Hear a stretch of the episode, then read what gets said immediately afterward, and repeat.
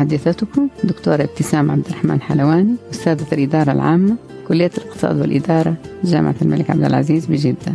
أستعرض في هذا البودكاست مقالات كتبتها في الصحافة المحلية وتم تجميعها في أربع كتب نشرتها قبل عدة سنوات حيث أختار منها ما يتناسب مع واقعنا وأسعى مع المستمعين والمستمعات لمقارنة الحال بين الأمس واليوم بما يخدم الهدف الأساسي لكل موضوع.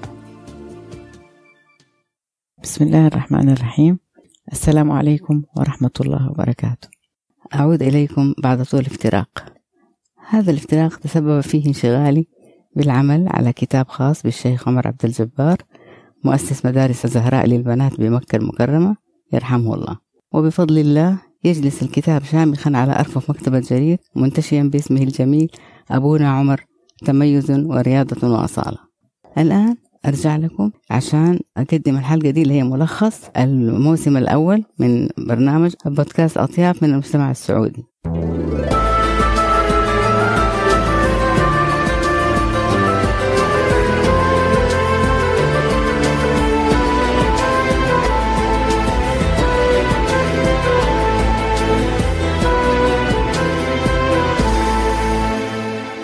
الحلقة دي خاصة بالموسم الأول اللي انتهى أو اللي انتهت منه واللي بدأته في فبراير 2018 وانتهى في فبراير 2019 طبعا خلال السنة دي قدمت 25 آه، حلقة من برنامج الأطيب من المجتمع السعودي. الحلقة الأولى كان عنوانها مساواة مطلقة بين الرجال والنساء والحلقة الأخيرة الخمسة وعشرين كان عنوانها الحريم مو بعيب خلال الفترة دي طبعا يعني كان كنت بتلقى آه، تعليقات انتقادات إضافات تحليل تعليق من مجموعة من الإخوة والأخوات اللي كان بيوصلهم البودكاست أو اللي بيسمعوه اللي بتواصل معاهم. فالحقيقة اليوم أنا حابة إني في الحلقة الخاصة دي إني أنا أذكر أسماء الناس اللي اهتموا وتابعوني في خلال الفترة وأشكرهم بالاسم لأنه فعلا يستحقوا قدر متابعتهم وتواصلهم معايا. طبعا حازم حوزع الاسماء على أربع على أربع دفعات حقولها الليلة إن شاء الله في الحلقة هذه. آه وأشكر طبعا كل واحدة وكل واحد ساهموا أو يعني اضافوا للشيء اللي سمعوه. ال 25 حلقة دي اللي شكلت الموسم الأول كان فيها طبعا في لها استماعات. طلع عدد الاستماعات اللي جات لي برنامج البرنامج ده أطياب من المجتمع السعودي خلال السنة بالكامل 12700 استماع. لو صنفناها حسب الدول اللي سمع اللي كانت تتبعها نلاقي السعودية 10000 استماع أمريكا 526 استماع مصر 327 الإمارات 216 لو جينا نصنف الاستماعات حسب المدن حنلاقي جدة تيجي في المقام الأول أو المركز الأول ب 5149 صوت الرياض ب 3137 صوت الدمام 771 صوت مكة المكرمة 200 صوت. آه الحقيقة أنا حق زي ما قلنا قسمت الأسماء على أربع دفعات حقولهم كلهم بس في الحلقة دي لكن بين يعني بين الفقرات. وقبل ما أبدأ بالأسماء حقول إيش الخمسة الحلقات اللي أخذت المراكز الأولى بين الخمسة وعشرين حلقة في خلال السنة دي من فبراير 18 لفبراير 19 واللي شكلت الموسم الأول. أول حلقة أخذت المركز الأول هي من حسنات هذا المرض وأخذت 3050 صوت. آه، الحلقة الثانية كانت مساواة مطلقة بين الرجال والنساء وأخذت 885 صوت. الزهراء ذكرى لن تموت أخذت 619 صوت. الحلقة رقم أربعة لماذا تضرب الزوجات؟ أخذت 491 صوت. والمركز الخامس حصل عليه حصلت عليه حلقة زوجوه يعقل وأخذت 471 صوت. نقرأ الآن أقول الدفعة الأولى من الأسماء اللي هي الحقيقة يعني آه، مجموعة من الإخوة والأخوات اللي ساهموا زي ما قلنا قبل كده. وحقولهم بالحروف الهجائية حسب ترتيبهم هجائيا. الدفعة الأولى اللي تشكل من الأخوات السيدة ابتسام أبو غالية السيدة ابتسام شطة السيدة ابتسام رجب السيدة الجوهرة آل الشيخ أستاذة أماني عبد الجبار بروفيسورة أسماء بهرمز أستاذة افتخار عرب أستاذة أمل حلواني دكتورة أمل هاشم دكتورة أمنة بنجر أستاذة أميمة مغربي أستاذة أميرة فلالي أستاذة أيتن حريري أستاذة بدرية بوغري أستاذة بدرية الجهني أستاذة تهاني عبد الجبار السيدة حنان عارف السيدة حياة حمدي دكتورة خديجة حريري أستاذة خديجة عبد المؤمن. هذه المجموعة الأولى أو الدفعة الأولى من الأخوات اللي آه، جزاهم الله خير. كانوا مهتمين ويضيفوا بيناقشوا بيحللوا في كثير على كثير من الحلقات. لو جينا نستعرض الحلقات الخمسة دي اللي أخذت المراكز الأولى حنشوف باختصار شديد إذا تتذكروها. مثلا كان المقال الأول من حسنات هذا المرض تكلمت فيه عن مرض السرطان الفتاك وقلت إنه بالرغم من كل السوء اللي يرتبط به إلا إنه له حسنات بنغفل عنها. فالمريض بيشعر إنه يمكن يرحل في أي لحظة فبيراجع التزاماته يصفي ما عليه من واجبات وحقوق للآخرين. إذا كان مستغرق في الله بيرجع إلى الله. إن كان عاقل والديه بيرجع يبرهم. إذا كان مقاطع رحم قاطع رحم بيصل آه، أهله مثلا ويتواصل معاهم. برضو أجر صبره لأنه الصابر في الجنة طبعا واللي بيصبر على المرض هذا. بياخد أجر كبير زائد إنه معاناته مع المرض بتخفف من ذنوبه لأنه ممكن يلقى الله بعد كده ما عليه ولا ذنب. وبرضو من المزايا إنه أهله بعد فترة سبحان الله يس يعني يسهل عليهم فقده من شدة معاناته فيعجزوا عن التخفيف عنه وبالتالي بيتقبلوا رحيله.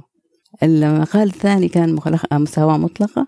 المقالة دي كان إذا تتذكروا تكلمت فيها عن المساواة التامة بين الرجل والمرأة في آية بسم الله الرحمن الرحيم. إن المسلمين والمسلمات والمؤمنين والمؤمنات والقانتين والقانتات والصادقين والصادقات والصابرين والصابرات والخاشعين والخاشعات والمتصدقين والمتصدقات والصائمين والصائمات والحافظين فروجهم والحافظات والذاكرين الله كثيرا والذاكرات أعد الله لهم مغفرة وأجرا عظيما. قلت إن الآية دي بتبين المساواة التامة في الفضل والأجر بين الرجل والمرأة مما يمنع قبول أي محاولات لإقناع المرأة بالاستسلام والخنوع وعدم مثلا مثلا عدم الذهاب للحرم. بيقولوا لأنه صلاتك في بيتك أفضل. طبعا صلاتك في بيتك أفضل كيف؟ إذا كان الصلاة في الحرم بمئة ألف صلاة. فكيف يعني صلاة المرأة في بيتها أفضل؟ وطبعا ابتعدي ولا ولا ولا تطولي ولا تجلسي هنا ولا تجلسي هنا. فقلت إنه المفروض تتاح لها الفرصة زيها زي الرجل عشان تستمتع وتخشع وتعمل كل الحاجات اللي جات في الآية دي. اللي عاملة مساواة بين الرجل والمرأة. الحلقة الثالثة كانت أو أخذت المركز الثالث هي حلقة الزهراء. وهذا كتبت المقال ده أيامها عن لقائنا كمجموعة من بنات مدارس الزهراء في جمعية أم القرى بمكة المكرمة بتخطيط من زميلتنا فوزية الجفالي. ما كان لقاء عادي كان حدث ما له مثيل في ذيك الليلة كرمنا ذكرى مؤسس المدرسة الشيخ عمر عبد الجبار الله يرحمه ولقينا الكلمات والقصائد واسترجعنا ذكريات المدرسة الجميلة مع مديرتي المدرسة أستاذة نوال وأستاذ فائقة عمر عبد الجبار وجزء من المعلمات. كانت ليلة لا تنسى ضمت حوالي 200 طالبة من اللي تخرجوا من الزهراء وكلهم بيخدموا المجتمع والوطن في شتى المجالات بكل الحب والتفاني. ودخلت المركز الرابع لماذا تضرب الزوجات؟ وده المقال كتبته عن إحدى طالباتي اللي كانت تضرب من زوجها وهي بعيدة هنا بشدة وصلتها بأبها. وأشرت إنه أسباب من أسباب الضرب اللي بترجع في, في أسباب ضرب ترجع للزوج في أسباب ضرب ترجع للزوجة. فالرجل مثلا يكون اتربى في بيئة ما تحترم المرأة وبيعتقد إنه ضربها مطلب شرعي ويشوفها مخلوقة من ضلع أعوج تحتاج تقويم أو إنه استحلها بالمهر المدفوع أو إنه أمه كانت تضرب فتح عينه في الدنيا وهو يشوفها تضرب فحسب الشيء هذا شيء طبيعي. البنت نفس الشيء ممكن تكون برضو نشأت في بيئة ما بتحترم المرأة وأمها بتنضرب أو إنه ما عندها أحد تشتكي له أو إنه إذا تركت البيت وخرجت ما لها مكان تروح فيه فتضطر إنها تصبر وتستنى. فكنت بقول تركيزي كان في المقال على أساس إنه ربوا البنات على الكرامة واحترموهم وعلموهم كيف يحترموا نفسهم ولا تسم... لا تفرقوا في التع... في المعاملة بينها وبين أخوها. يجب إن هي تكرم زي زي الولد والبنت اللي تحترم في بيت أهلها وما تهان ما حد يقدر يهينها ولا حد يقدر يضربها في أي لما تتزوج. الحلقة اللي أخذت المركز الخامس زوجوا يعقل. كنت بتكلم عن كثير من الأسر اللي ما بتخاف الله. لما تشوف ابنها منحرف ولا أخلاقه سيئة ولا ما يصلي ولا يسكر ولا له علاقات مع نساء أو أي أخلاقيات غير مقبولة بيزوجوه بيعتقدوا إنه ساعتها حيهدى ويستسلم. طبعا الحالة دي غلط لأنه بيرموا مصايب الأبناء دول على بنات الناس. وطبعا البنات الناس دول ما كانوا عارفين الحقيقة. فتيجي البنت تتزوج وتكتشف المشاكل بعد ما تتزوج لأنه في النادر ويمكن مستحيل كمان إنه هو يهدأ أو يتصلح بعد ما يتزوج. حتى لو هدأ فترة حيرجع تاني. فطبعا تجي تنتهي حياة البنت تعود لبيت أهلها مطلقة وممكن معها أطفال. فتصير المشكلة بعد ما كانت مقتصرة على الشاب صارت. صارت مركزة في عائلة كاملة الآن أقول أسماء الدفعة الثانية من الأخوة والأخوات اللي آه، شرفوني الحقيقة بملاحظاتهم واتصالاتهم طوال فترة البرنامج الأستاذ خالد العمودي الأستاذة داري غزاوي الأستاذة دلال أبو الجدايل الأستاذة دلال فتيحي الدكتورة رقية مندورة الدكتورة زينب السحيمي أستاذة زين خورشيد أستاذة سامية حلواني السيدة سحر سمسمية الأستاذة سعاد الصخيلي السيدة سعاد محمد السيدة سعاد ناظرين الأستاذة سلوى حسنين الدكتورة سميحة تركستاني الأستاذة سميرة أبو غالية الأستاذة سميرة سميلان أستاذة سناء باناجة دكتورة سهام البليهد أستاذة سهام حلواني أستاذة شاهيناز الصبان السيدة صائمة جودة الأستاذة صفاء محضر. الآن هتكلم عن اللي حصل بعد توقف البرنامج. طبعا أنا كنت الحقيقة معتقدة إنه لما توقفت أنا أتوقف الاستماع للبرنامج. فقلت لكم إنه كان وصل الاستماعات عددها 12700 وقلنا كيف تفصيلها في المدن وفي الدول. وعلى فكرة أي معلومة من هذه الإحصائيات المعلومات الإحصائية يستطيع أي أحد الحصول عليها من موقع البرنامج في ال SoundCloud. اكتشفت أني أنا بالرغم من توقفي في فبراير 19 أنه كان في استماعات مستمرة إلى فبراير 20 فلما رجعت لقيت الإحصائية اختلفت طبعا عما كانت في السنة الواحدة سنة التقديم. اكتشفت إنه العدد وصل الاستماعات إلى عشرين ألف وأربعمية. كانت اتناشر ألف وسبعمية وصلت عشرين ألف وأربعمية. بس كيف توزيع الدول؟ أعلى الدول استماع برضو. السعودية تلاتة وسبعين بعدها مصر وأربعة وثمانين وبعدها أمريكا ب ستة وستين. أما أعلى المدن استماع فكانت جدة في المركز الأول ب 6666 رقم جدة طلع مميز.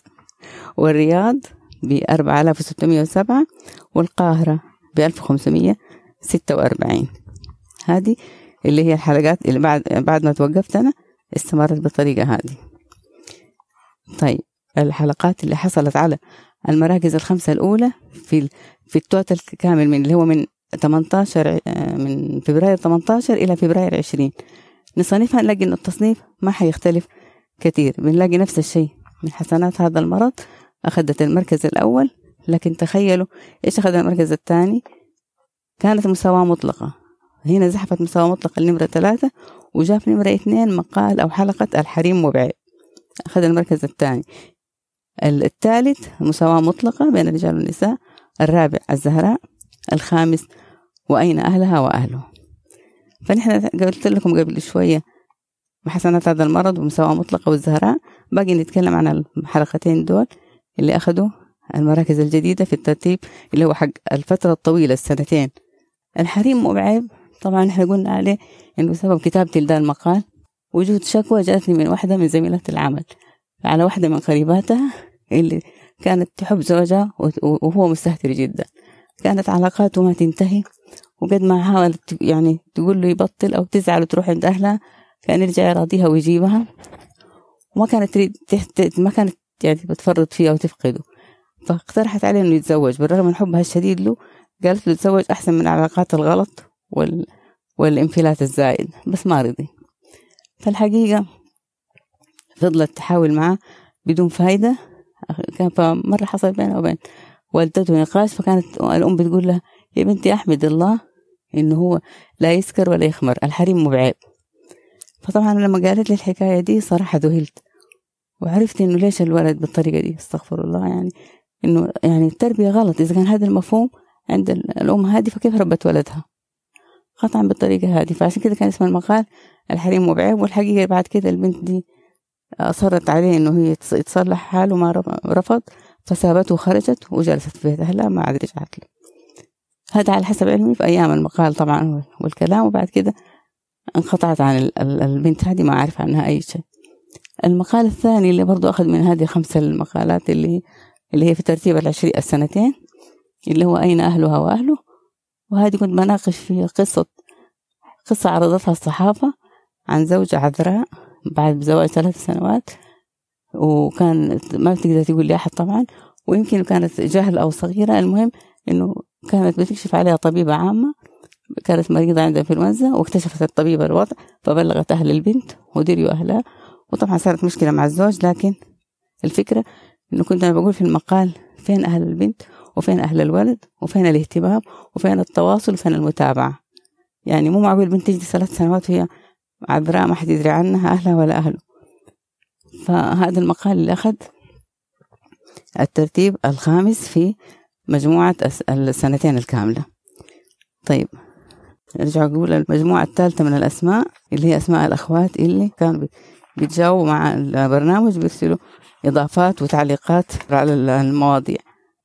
الأخوات السيدة عائشة أبو هليل الأستاذة عائشة شطوان السيدة عبير بحري الأستاذة عفاف حلواني السيدة عواطف عبد الجبار السيدة فائزة بخاري السيدة فائزة كبارة السيدة عائشة السيدة فاتنة رواس أستاذة فاطمة فلالي أستاذة فتحية بحارث أستاذة فريدة فارسي أستاذة فوزية عطرجي أستاذة ليلى الحميد السيدة ليلى ودنلي السيدة لولو محرم السيدة ماجدة قطب السيدة مريم زمزمي أستاذة مكية حلواني أستاذة مية السراج أستاذة نادية الحربي. هذه أسماء الدفعة الثالثة. في الجزء الباقي من برنامجنا وحلقتنا اليوم حستعرض آراء اللي جاتني من بعض الأخوات والإخوة حوالين بعض المواضيع. مثلا كنت أنا قدمت آه، حلقة كان اسمها من حيث أمركم الله اتكلمت فيها عن معاناة زوجة شابة آه، آه، عانت من معاشرة زوجها لها بشكل غير طبيعي وما كانت تعرف حرمانية ذلك لأنه كان رجل متدين وكانت صغيرة وجاهلة. ناقشت في الحلقة التظاهر بالدين عند البعض وانعدام الاهتمام من الأهل والتعتيم على البنات حتى ما ينشأ حتى ينشأوا بدون خبرة ولا فهم. لأن البنت هذه كانت في بيت أهلها ما عندها تلفزيون ما عندها شيء وهنا في بيت زوجها اكتشفت من خلال التلفزيون إنه هذا الشيء غلط وخطر. ف طبعا بدأت المشاكل وكان يعني مصر عليه إنه ما يطلقها. وطبعا كنت أنا بقول في في المقالة في يومها إنه يعني بالرغم من عظم حرمانية الشيء هذا لكن عمري ما سمعت خطبة في المسجد الحرام تناقش الموضوع ده أو تنبه لحرمانيته لأنه صراحة المفروض إنه لازم ينبهوا الناس لشيء هذا. هذا اللي كان قلته في المقالة. الآراء اللي جاتني مثلا أختنا زين خورشيد قالت إنه أنا سمعت الحلقة وأعتقد إن الموضوع خطير ومتفشي ومنتشر في مجتمعنا حسب ما أسمع وبتقع كثير من حوادث الطلاق بسببه. تقول إنه الست اللي بتتهاون مع زوجها من البداية هي اللي بتورط بعد كده وما تقدر تسيبه وفيوصل أحيانا لمفترق طرق بيكون أفضل آه، آه، يعني ما في أمامها غير الطلاق. أختنا ابتسام رجب كانت بتقول إنه هذا الشيء واقع وحاصل في بيوت كثير وإن هي يعني قبل كده سألوا ناس سألوا شخص معين قال لهم إنه بس الراجل يدفع يتصدق بشيء معين مبلغ معين إنه هذا الشيء يحل المشكلة. طبعا ده الكلام غلط لأنه المفروض إنه هذا حتى في بعض الأحاديث يعني كما قيل لي يعني أيامها إنه آه، محرم عليه تصير طالق لو كان بي بي بينام معها بالطريقة هذه. فبتقول الأخت ابتسام رجب إنه إحنا فعلا يعني بناتنا ما يجروا على التفكير في هذا في العلاقات الزوجية قبل الزواج وما ما بنتكلم معهم في الحاجات دي. فيجب إنه يكون في تقرب من الأبناء والبنات وفي صداقة وصراحة عشان يفهموا الحاجات هذه وما يتزوجوا هم آه، ما يفهموا. أختنا الأستاذة هيفاء عبد الفتاح بتقول إنه أنا أشوف إنه الدولة زي ما بتلزم المتقدمين للزواج بعمل تحاليل طبية معينة فالمفروض إنها تلزمهم بحضور دورات توعوية يفهموا فيها حقوق الزوجين وواجباتهم من كل النواحي وما ياخد ما يتزوجوا إلا لما يتأكدوا من حضور هذه الندوات الدكتورة سهام البليهد قالت تعليق على ذا الحلقة دي الحلقة إنه الموضوع مهم وخطير وأكيد موجود في علاقات كثيرة لكنه مدسوس تحت الطاولة. إما الجهل بحرمانيته وإما لعدم معرفة المرأة بكيفية التصرف أو لخجلها من ذا الموضوع أو لعدم وجود يعني خيارات أخرى خلاص. فهي بتقول إنه المفروض المناهج في المواد الدينية يجب أن تركز على الحاجات هذه وتقول للناس ما تخلي ما يعني للطلبة والطالبات ما تمر بعجل وخجل من المعلمين والمعلمات وما بيشرحوا آه في كمان أختنا مكية حلواني بتقول بتتساءل إنه كيف الشابة دي ما خبرت صديقاتها ولا أمها؟ وبرضه بتقول إنه خطب الجمعة المفروض تتناول الأساسيات اللي توعي الشباب وتقول لي ليش ما نتناول يعني تناول الخطب مواضيع طبية يلقيها طبيب أو مهندس أو معلم بحيث الناس يستفيدوا بمختلف فئاتهم من الخطب دي. أستاذة أميمة مغربي تقول إنه دكتورة فاطمة نصيف الله يجزاها بالخير كانت تقدم دورة للمقبلات على الزواج في الجامعة وفي الثانوي ولاحظت إنه كثير من البنات ما يعلموا بحرمانية الأمر ده ففعلا كانت تنبههم للشيء هذا. جزاكم الله خير يا أخواتي. في مقال تاني اللي كان عن التغيير كنت أنا قدمته في حلقة. من الحلقات اسمه هو كان بناء على مقال كاتبته اسمه التغيير من أجل التغيير. تحدثت فيه عن أمر كان بيحدث في مجتمعنا وهي وهو قيام المدير الجديد المعين بأي إدارة بأنه تجميد أو نقل الموظفين التابعين للمدير السابق ويجيب معاه ناسه أو موظفينه ويعملوا معاه. ولما هو يترك المكان بعد سنة بعد شهر بعد سنتين بعد عشرين يسحب موظفينه معاه ويجي المدير الجديد بمجموعة جديدة. فكنت أنا بقول إنه هذا الشيء غلط إنه الناس ما بيتعلموا أساسيات العمل الصحيح القيادة الصحيحة وما يكتسبوا الخبرة اللازمة والرئيس ما بيتقبل أي مجموعات غير مجموعته وده غلط طبعا فما بيصير فيه يعني خبرة وتركيز في العمل. كل واحد يحسب إنه اللي كانوا اللي من المدير السابق حيكونوا بالنسبة له أعداء وهم يشوفوا برضه بالنسبة لهم عدو. التعليقات اللي جاتني هنا على هذا الكلام جاتني الأستاذة عايشة شطوان بتقول إنه التغيير سنة من سنن الحياة لكن لازم يكون في توعية وتدريب وتقبل للتغيير من قبل الموظفين. لكن بتقول إن المشكلة عندنا إنه عدم وضوح مهمة وواجبات الإدارة ولا رئيسها ولا أقسامها وعدم وجود دليل إجراءات وتعليمات ثابتة ما بتتغير إلا بتغير الأنظمة والتقنية المبنية عليها بحيث يعمل بها يعني بغض النظر عن دور المدير أو أو شخصيته. وبتقول عدم وجود ثقافة استلام وتسليم المسؤولية بين السلف والخلف. فبتقول كمان إنه يعني بعض الإدارات بتبنى على العلاقة الشخصية وليس المؤسسية وفي ظل غياب طريقة عمل محددة هذا هو اللي يخلي المشاكل دي تصير لأنه لا الخطط واضحة ولا فلسفة العمل عارفينها الناس اللي كانوا سواء اللي جايهم المدير الجديد أو اللي من كانوا من أول. أختنا افتخار عرب بتقول أحب المداخلة باضافه لبنود المشكلة وهي النقطة الأساسية إنه القيم والاعتبارات الأخلاقية اللي تشغل اللي تشكل مفهوم الفضيلة واللي يمكن اعتبارها من الاستراتيجيات الأساسية في العمل هذه نادرة عندنا. فتقول هذه المشكلة وهذا اللي يخلي المشاكل دي تحصل مع التغيير لأنه مرتبطة بالأشخاص. أختنا نائلة فضل إلهي تقول فعلا العلاقات الشخصية والمعارف هي العامل, العامل الرئيسي في الترشيح والتكليف في العمل وهذا طبعا هذا الشيء بيأثر ويخلي كل بيئة العمل وكل اللي بيحصل حاجات ما ما يتقبلوها ولا ممكن تؤدي إلى تحقيق أهداف الوظيفة. في عندنا كمان موضوع آه، الزهراء. طبعا تكلمنا عن مقالة الزهراء بس من من الآراء اللي جاتني فيها. في الدكتورة خديجة حريري بتقول تعليق على هذا الشيء بتقول كانت فعلا مدرسة الزهراء مدرسة غير المدارس كانت رائدة وتخرجوا منها رائدات المجتمع وكان التعليم في ذاك الوقت عيب. للمرأة لكن كانت المدرسة تقبلتها وفتحت لها المجال وكانت مدرسة نموذجية بكل المعايير والمعاني وكان عم عمر يعتبرنا جميعا بناته وكان يطمن علينا ويسعى لراحتنا ويشرف على المدرسة بنفسه. أختنا سهام حلواني بتقول إنه أنا أتمنى من أهل ميدان أفلام الأطفال إنتاج فيلم مركز على أعمال الشيخ الجليل عمر عبد الجبار. فنحن الدفعات الأولى لو ما هو بعد الله عمل لنا الفرصة دي للدراسة ما كنا حققنا يعني كملنا دراستنا وصلنا مرحلة التعليم العالي. أختنا سميرة صميلان برضو بتقول إنه أنا سعيدة كنت بقول لأولادي حكاية الشيخ عمر عبد الجبار فكانوا يعني الحقيقة مبسوطين وكانوا بيفتخروا وأنا أفتخر إني أنا طالب من طلبات الزهراء وهم كانوا يفتخروا إن أنا أمهم من المدرسة هذه اللي زرعت فينا حب العلم وخلتنا نكمل مسيرتنا الدراسية. طيب في مقال كتبته كان اسمه ولا الضالين.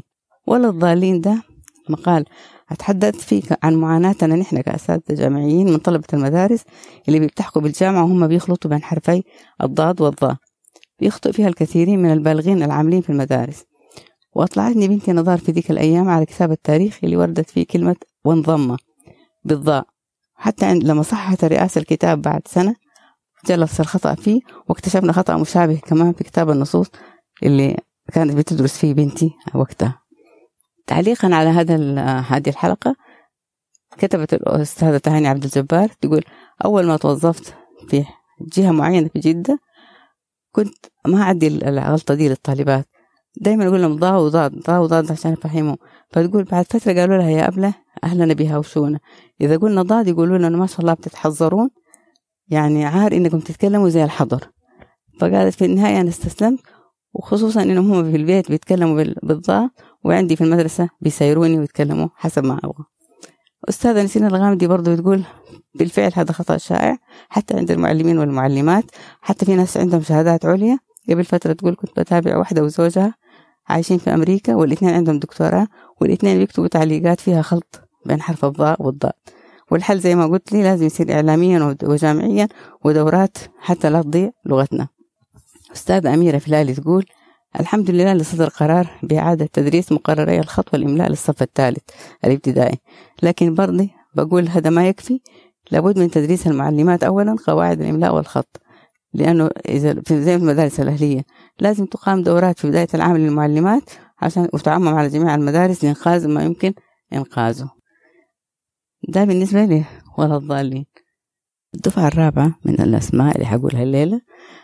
الأستاذة نائلة فضل إلهي الأستاذة نجاح اسكندر الدكتورة ندى التواتي السيدة ندى كحالة الأستاذة نسرين الغامدي الأستاذة نسمة الخطيب السيدة نورة اليافعي أستاذة نورة الشعبان دكتورة نهلة قهوجي دكتورة نيرفانا محمد دكتورة هالة بخش أستاذة هالة شربتلي دكتورة هالة عطار أستاذة هدى الحديثي مهندس هشام حلواني السيدة هناء بيلون السيدة هوازن قزاز السيدة هويدا الصبان الدكتور هيام بن جابي أستاذ هيفاء عبد الفتاح السيدة وداد خاشقجي.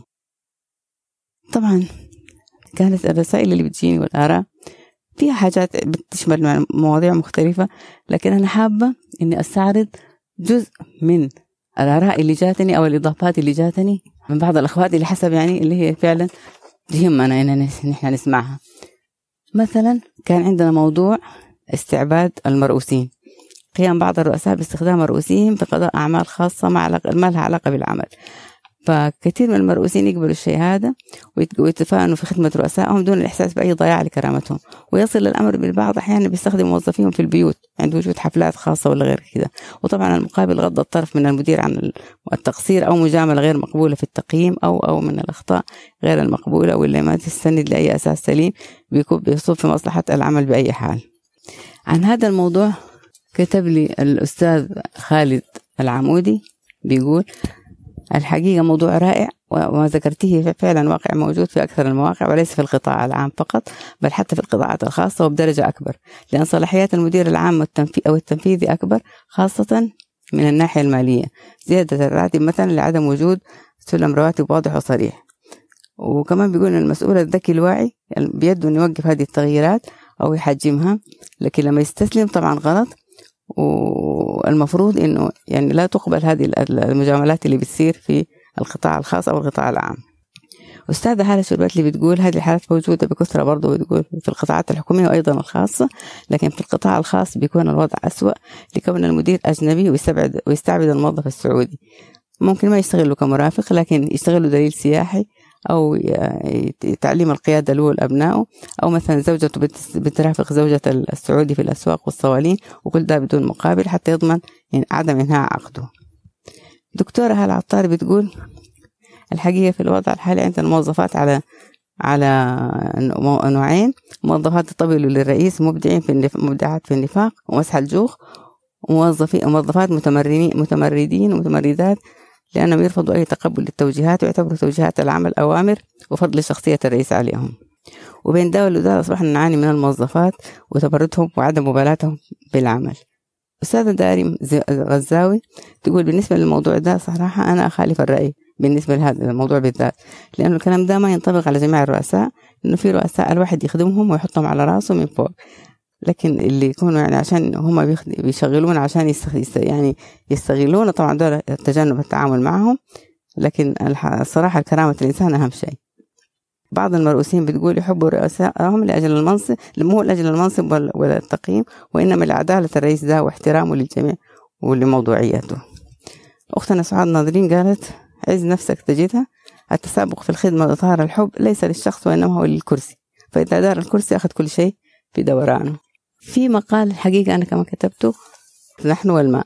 أتحدث عن تجربة أجراها باحث لقياس الماء اللي بنستخدمه في الوضوء من خلال الصنبور العادي والوعاء. اكتشف أن الوضوء بالوعاء يستهلك نصف لتر فيما يستهلك الصنبور ثلاثة لترات ونصف. فكتبت أنا بقول إذا كان عدد البالغين في مجتمعنا الواجب عليهم الوضوء عشرة ملايين بس واستهلاك الفرد منهم واحد لتر. في الوضوء وليس ثلاثة ونص فإن ذلك يعني خمسة لترات للشخص في اليوم الواحد يعني خمسين مليون لتر في اليوم يعني عشرين مليار لتر في العام للمجموعة. مما يبين إسرافنا. واستعرض أوجه الإنفاق اللي بيضيع فيها الموية برضه وأشرت إلى ضرورة أننا نراقب أنفسنا وأوصيت بضرورة إنشاء شبكة صرف خاصة للوضوء في كل مبنى أو مسجد ترسل الماء على صناديق الطرد المركزي. مع أهمية عمل عم يعني عمليات الذبح فوق أرضيات فيها فتحات كبيرة عشان تسرب الماء أولا بأول. بس أهم شيء إنه لما نبني البيوت لازم نخلي مية الوضوء هذه نستفيد منها إنها تروح على آه مثلا الحدائق ساقي الحدائق وعلى صناديق الطرد المركزي. أختنا عاطفة عبد الجبار علقت على هذا الموضوع قالت استمعت بذا استمتعت بالكلام ده عن الترشيد باستهلاك المياه وأنا للأسف من اللاتي أسرفن في استهلاك المياه اليومي غير الأسبوعي كمان أنظف من السطح إلى باب المنزل حتى تنفذ المياه وانتشار وايتات فهذا طبعا سبب لي مشاكل كثيرة لكن الآن أغير سلوكي وأبدأ أتعامل مع الموضوع بشكل أفضل. أختنا أميرة فلالي قالت إنه آه نحن صراحة المفروض نبدأ بأنفسنا ونربي أبنائنا على معرفة قيمة الماء وعلى عدم الإسراف ونذكر أنفسنا ونذكرهم دائما بحديث رسول الله صلى الله عليه وسلم عن عبد الله بن عمرو بن العاص رضي الله عنهما أن النبي صلى الله عليه وسلم مر بسعد وهو يتوضأ فقال ما هذا السرف يا سعد؟ قال في الوضوء سرف قال نعم وإن كنت على نهر جار. طيب في مقال عنوانه عبر عن حبك. كنت في المقال ده بقول إنه يجب على الإنسان إنه يقول للناس اللي هم يحبهم إنه هو يحبهم لأنه في ناس بعد ما نقرأ مقالات جميلة بعد ما يموت الإنسان فبيتكلم يحط له يعني يكتب مقال جميل عنه ويقول له ويمدحه أو يبين حبه له. فأنا كنت بقول خلينا نقول للإنسان هو عايش في حياته إنه ترى أنا مشاعر نحوك كده أنا أحبك لأن الحب في الله هذا طبعا الواحد بياخد عليه أجر بإذن الله وبي وبيعزز العلاقات بين الناس وزي كده. سعاد الصخيلي وقتنا بتقول الموضوع رائع وجميل وواقعي جدا لكن الإنسان يكون على طبيعته أفضل ويتعامل بأريحية ويعبر عن مشاعره بصدق بغض النظر عما حيقول سيقوله الفهم الطرف الآخر. والصدق, والصدق دائما يعبر عن نفسه.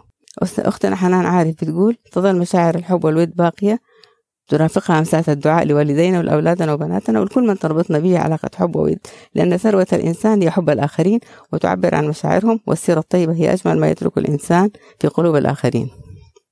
أختنا سناء بناناجة بتقول يعني الأبناء بعد فترة يعتادوا على الأخذ معنوي ومادي ويصبح الوضع طبيعي بل ينقلب إلى واجب على الآباء. وبعد وفاتهم يقف ذلك العطاء ويشعر الأبناء بقيمة ما فقدوه. هنا يبدأ التقييم الفعلي ويعرفوا أنهم فقدوا الكثير فيعرفوا قيمة والديهم ويبدأ التعبير عن شعورهم وإظهار حبهم واشتياقهم لمن رحلوا. طيب في عندي كان موضوع اسمه مرحلة ما قبل الطلاق. تحدثت فيه عن القرار اللي بيتخذه الزوجان بالفراق. انتظارا لإنهاء إجراءات الطلاق. بينفصلوا وكل منهم مقتنع أنه الثاني هو سبب المشكلة. كنت بقول أنه على الزوجين استثمار هذه الفترة في مراجعة النفس والبحث في عمق العلاقة عن الأشياء الجميلة والتفكر في الأطفال. إن وجدوا فما أكثر ما كان العناد سيد الموقف في كثير من العلاقات أو الغرور أو سوء الفهم أو أي شيء. طبعا بيكون السبب وبيخلي إنه. خلاص يصمموا على الطلاق وينفصلوا. فأنا بقول هذه الفترة اللي هي قبل اتخاذ قرار الطلاق أو تنفيذ قرار الطلاق يجب أن هم يرجعوا يفكروا في بعضهم ويرجعوا للعلاقة تاني أستاذة سناء بناجة بتقول موضوع الطلاق من المواضيع الصعبة جدا جدا وما لها قوالب محددة سواء للأسباب أو للحلول فكل حالة قائمة بذاتها. ليه قرار الطلاق صعب؟ هي بتقول لأنه ممكن يتم وبعدها يندم الطرفين أو أحدهما وممكن ما يتم ويستمر وتمر الأيام وفي النهاية يندموا على أنهم ما طلقوا قد يستمر الإنسان وتكون أكبر غلطة ارتكبها في حق نفسه أو في حق أبنائه لأن المشاكل تستمر وتكبر وآثارها تصير أعمق ويصير ضررها للجميع. فبتقول هي صدقيني عن نفسي أرى أنه قرار قاتل. وطبعا بالدرجة الأولى للأطفال لأنهم ما دخل له لا دخل لهم بمشاكل الوالدين ولهم الحق أن يعيشوا أولا. لن أقول في سعادة ولكن على الأقل بدون مشاكل كبيرة. وثانيا إنهم يعيشوا بين أمهم وأبوهم. أشكر الإخوة والأخوات اللي أضافوا الحقيقة الآراء الحلوة دي. وفي آراء كثيرة حقيقة جاتني بخصوص مواضيع مختلفة لكن هذه اللي بس. سمحت بها الوقت يعني نقدمها إذا بدي أحد أشكر أحد كمان صراحة. أشكر ابني المهندس عمار الصبان اللي صراحة. بيمنتج ويخرج ويشتغل على الحلقات اللي أنا بسجلها وأرسل له هي هو بيعملها. الله يوفقه إن شاء الله هو وأخوانه وأختهم. وجزاهم الله خير. باقي أتكلم عن الموسم الجاي إن شاء الله بإذن الله. اللي حبدأ إن شاء الله إن شاء الله قريب بس لسه مو قريب قريب. الموسم الجاي حيكون برضو على مقالاتي اللي اتنشرت قبل كده وعشان نقارن بينها وبين اليوم لكن حيكون مقالات معينة. أنا كنت في بعض المواضيع قبل ما أكتب المقال أعمل استطلاع رأي أسأل فيه ناس أصحاب الشأن وأطلع نتائجه وبعدين أتكلم في المقال أناقش يعني مثلا لو لو كنت بتكلم عن الطلاق فكنت مثلا بسأل عينة من المطلقات عن المشاكل وإيش وضعهم والمشاكل المترتبة والأسباب وإلى آخره. وبعدين أنشر المقال. فاللي حسويه الآن في الموسم الجديد حمسك كل المقالات اللي كان فيها استطلاع رأي وأحط استطلاع الرأي نفسه أعمله الآن ونوزعه ونجيب نتائجه وبعدين نقارن النتائج اللي طلعت اليوم مع النتائج اللي عندي من أول في المقال لما نشرته. فإن شاء الله ألقاكم في الموسم الجديد ولا تأخذونا لو كان في أي غلط أو تقصير. وشكرا للجميع جميع من ساهم معنا وساعدنا وأضاف لنا كلمة أو حرف. جزاكم الله خير جميعا.